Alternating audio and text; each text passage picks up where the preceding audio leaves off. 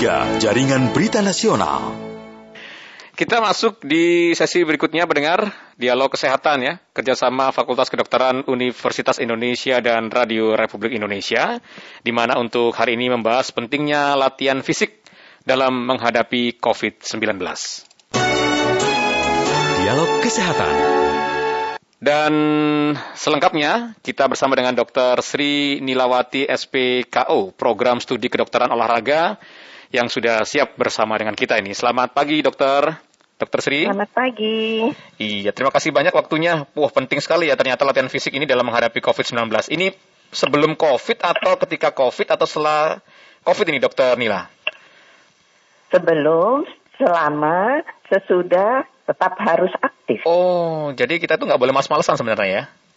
Iya, jangan kebanyakan duduk-duduk, rebahan. Gitu. Padahal kita gitu. generasi generasi mager ini, generasi rebahan.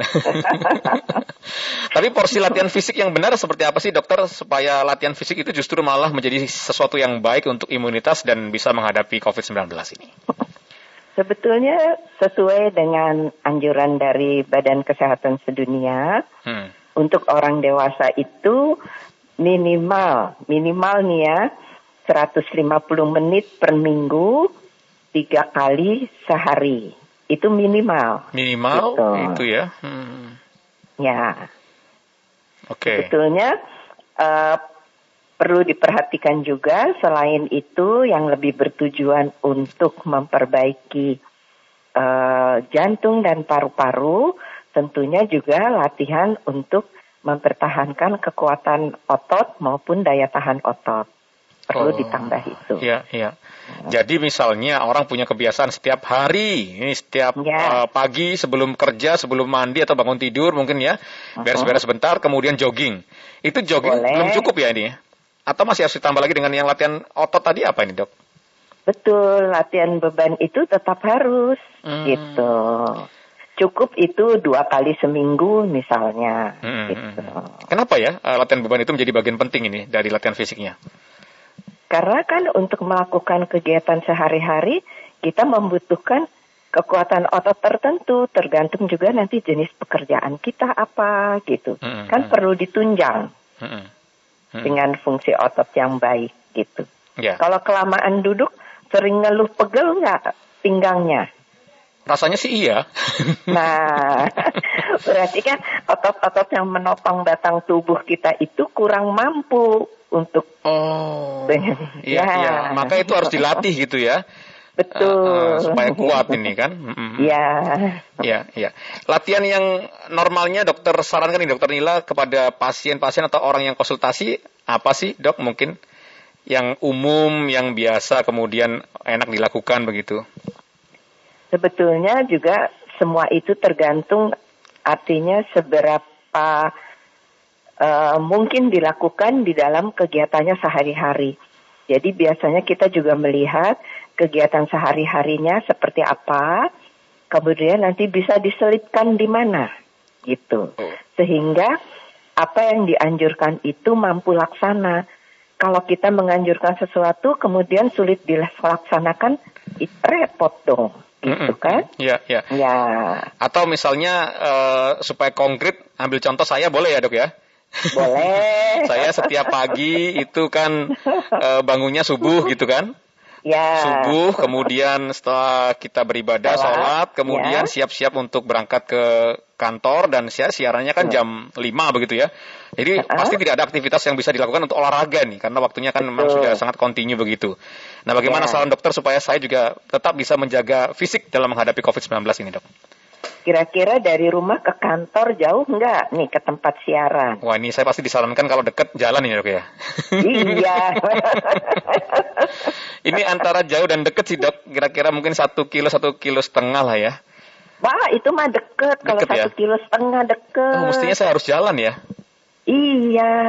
Hmm. Karena saya sendiri nih kalau mau keluar dari kompleks menunggu kendaraan umum misalnya ya, hmm, hmm. saya kebetulan tinggal di Bogor. Itu dari rumah keluar kompleks ke jalan besar itu sekitar 3 kilometer. Oh, dokter jalan tiap hari? Jalan. Waduh, saya malu nih. Satu setengah naik motor, dokter tiga kilo Iya. tiap hari jalan ya. Oh gitu, ya ya ya. Jadi ya. diselipkan dalam kegiatan kita gitu sehingga kita nggak merasa harus menyisihkan waktu lagi Mm-mm, mm. gitu. Nanti kan repot gitu rasanya. Oke. Gitu. Saya nyambungnya begini, kalau misalnya eh, seperti di Pro 3 ini, eh, kami di Mm-mm. beberapa lantai kan begitu ya, jadi sebaiknya tidak usah pakai Iya. lift ya dok ya, pakai tangga saja. Tangga aja boleh pakai tangga gitu. Oke, ya ya ya. Heeh. Nah, nanti kita akan masuk di segmen bagaimana menghadapi ketika ini kan kebetulan Covid, banyak yang ya? sedang COVID ya, betul. Ini sekarang banyak yang isoman begitu. Ini olahraga Betul. isoman bagaimana? Apa Ya. juga ditambah dengan berjemur. Tapi saya undang pendengar dulu, silakan pendengar bisa bergabung juga bersama dengan Pro 3 untuk dialog kesehatan bersama dengan narasumber kita untuk pagi ini ya. Dr. Sri Nilawati, spesialis kedokteran olahraga. Jadi Dr. Nila akan menjawab pertanyaan Anda bisa langsung gabung melalui 021 352 3172 dan 384 4545. Pak Nur Hadi di Bekasi. Selamat pagi Pak Nur Hadi. Halo Pak Nur Hadi. Pagi. Iya, pagi. Iya. Mas Arief, Dokter Nila, selamat pagi. Salam sehat selalu buat kita semua. Salam sehat juga Bapak. Tetap semangat walaupun di weekend, tetap bekerja hari Jumat iya, maksudnya. harus semangat nih Jumat Jumat. Gimana? Ada Baik, pertanyaan apa iya, nih Pak? Ada, ada pertanyaan seputar ini. Makasih Mas Arief. Eh, dokter Nila, ada yang mau ditanyakan dokter. Eh, mau bertanya kalau misalnya kegiatan olahraganya tidak terukur, Mm-mm. tapi tujuannya hanya untuk kebugaran saja, tidak ada target khusus, tapi eh, tidak dalam bentuk eh, artinya lebih ke kegiatan rutin sehari-hari. Betul. Apa baik itu di misalnya? rumah. Apa aja, Mas. Yang penting sampai keluar keringat dan bisa lebih Oh. dari 30 menit Mm-mm. termasuk eh, kalaupun harus tadi ada bicara eh, naik turun tangga ya. Hmm. Naik turun tangga itu Hmm. saya nyaman dengan lima lantai itu tanpa lift, senengan naik turun tangga Oh, aja. hebat ini, Pak. Lari maupun jalan. Bukan hebat Mas, kepepet nganterin catering.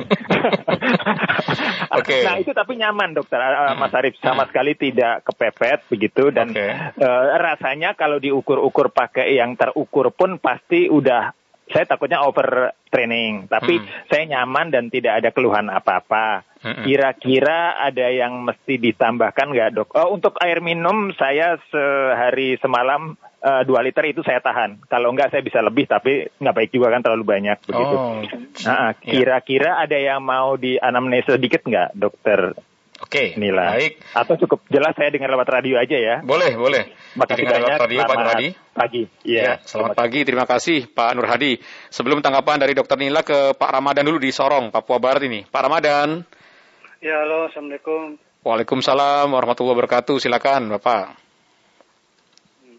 Salam sehat. Iya.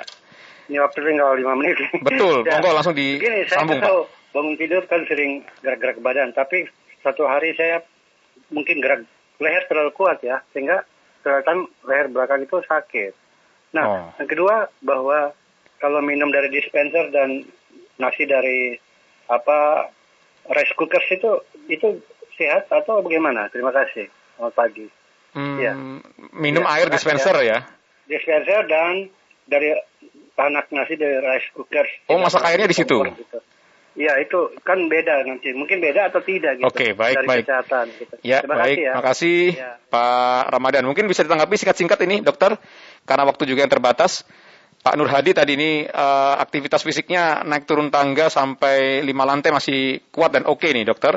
Tetapi apakah juga masih butuh ditambahkan atau akan bahaya kalau misalnya over dalam exercise ini? Mungkin ada tanggapan dulu nih, Dokter. Halo?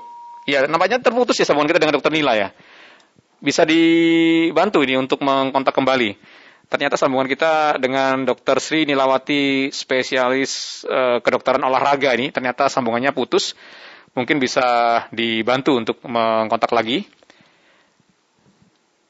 Ya, karena waktu juga yang eh, kemudian eh, terbatas ya, tapi semoga kita bisa optimalkan 5 menit ini. Bisa sambung lagi dengan Dr. Sri Nilawati, ya. Eh, menanggapi Pak Nur Hadi di Bekasi dan Pak Ramadan yang ada di Sorong ya. Oke, baik. Gimana Dokter Nila sudah bisa sambung lagi? Oke, karena waktu juga mungkin bisa disambungkan dulu. Ya, Dokter Nila.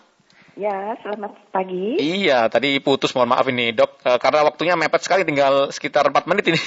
Iya. Silakan mungkin singkat-singkat tadi Pak Nur Hadi, bagaimana dok, E, karena sudah naik turun tangga bahkan kuat sampai lima lantai, apakah masih harus ditambah dengan olahraga kebugaran begitu e, untuk e, Eh. kegiatan di rumahnya dan sebagainya?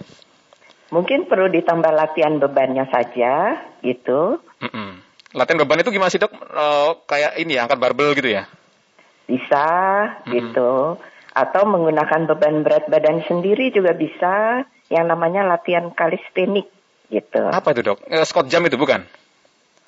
Bisa begitu, tapi nggak usah per, nggak perlu melompat, misalnya. Oh, Squat cuma naik saja, turun gitu ya, E, bangkit Ya, turun bangkit turun bisa. gitu ya? Oke. Gitu. Nggak usah melompat. Atau push up, misalnya, begitu oh, kan. Oke. Bisa plank juga bisa, gitu kan. Iya, Gitu. iya. Itu yang namanya latihan beban ya dok, yang harus ngangkat ya. Tapi Ya. dengan tubuh kita pun juga bisa menjadi bebannya ya. Betul, Oh, bisa gitu. Saya nangkap ini, ya, ya, ya. Oke. Hmm. Pak Ramadan di Sorong tadi eh, ya, untuk air minum dalam dispenser atau ini agak beda sih. ah, ah. Air dalam dispenser ataupun di rice cooker itu sehat atau tidak ini untuk digunakan minum ini? air dispenser boleh untuk minum, karena kan memang sebelum berolahraga sebaiknya juga cukup minum cairan. Ya, nanti sesudahnya juga kita harus mengganti cairan yang hilang kan dengan minum gitu. Ya, ya. Kebutuhan Boleh. sehari 2 liter ya dok ya? Ya, kira-kira Hmm, baik. 6-8 gelas gitu kan, Ya, kira-kira. ya. Untuk yang COVID dok mungkin sebagai penutup juga nih, eh, siapa tahu ada yang sedang isoman dan mendengarkan kita, maka olahraga eh, yang sedang COVID apa sih yang terbaik ini? Eh, paling sederhana buat yang COVID itu kalau tanpa gejala ataupun dia gejala ringan, jadi tidak ada demam, tetap dianjurkan untuk aktif. Jadi bisa berjalan di dalam rumah aja kan, mondar mandir misalnya begitu. Hmm, hmm. Tetap harus gitu. Ya, ya. Karena itu juga akan membantu memelihara kesehatannya dan pemulihannya. Oke, ya. Gitu. Ditambah dengan eh, berjemur nggak dok? Boleh tambah dengan berjemur gitu. Hmm, hmm. Itu sangat Boleh. membantu ya. Ya, tapi yang penting eh, adalah jangan lupa untuk bergerak. Hmm, Gitu. hmm, Oke. Bergeraklah untuk sehat dan bugar. Itu tetap harus. Kecuali kita demam memang tidak dianjurkan. Hmm, Kalau meriang gitu kan susah ya untuk gerak ya. Tapi Ya, sejauh masih badan oke tetap harus bergerak karena bergerak itu Ya. akan membuat kita sehat dan Sehat. bugar. Ya. Ya, Baik. betul. Terima kasih banyak Dokter Sri Nilawati, spesialis kedokteran Sama-sama. olahraga. Dokter Nila semoga sehat dan ini terima kasih banyak untuk Amin. pengetahuannya. Selamat Ya. pagi dan salam sehat dokter. Salam sehat, Pak Arif. Ya, dari program studi kedokteran olahraga Dokter Sri Nilawati, spesialis kedokteran olahraga. Jadi kita diminta untuk gerak ya. Jadi sudah tidak ada lagi istilah generasi mager karena kita diharapkan memang bergerak karena dengan bergerak kita itu menjadi sehat dan bugar. Itu penting bahkan ketika sedang isoman dalam COVID-19. Indonesia Menyapa Pagi.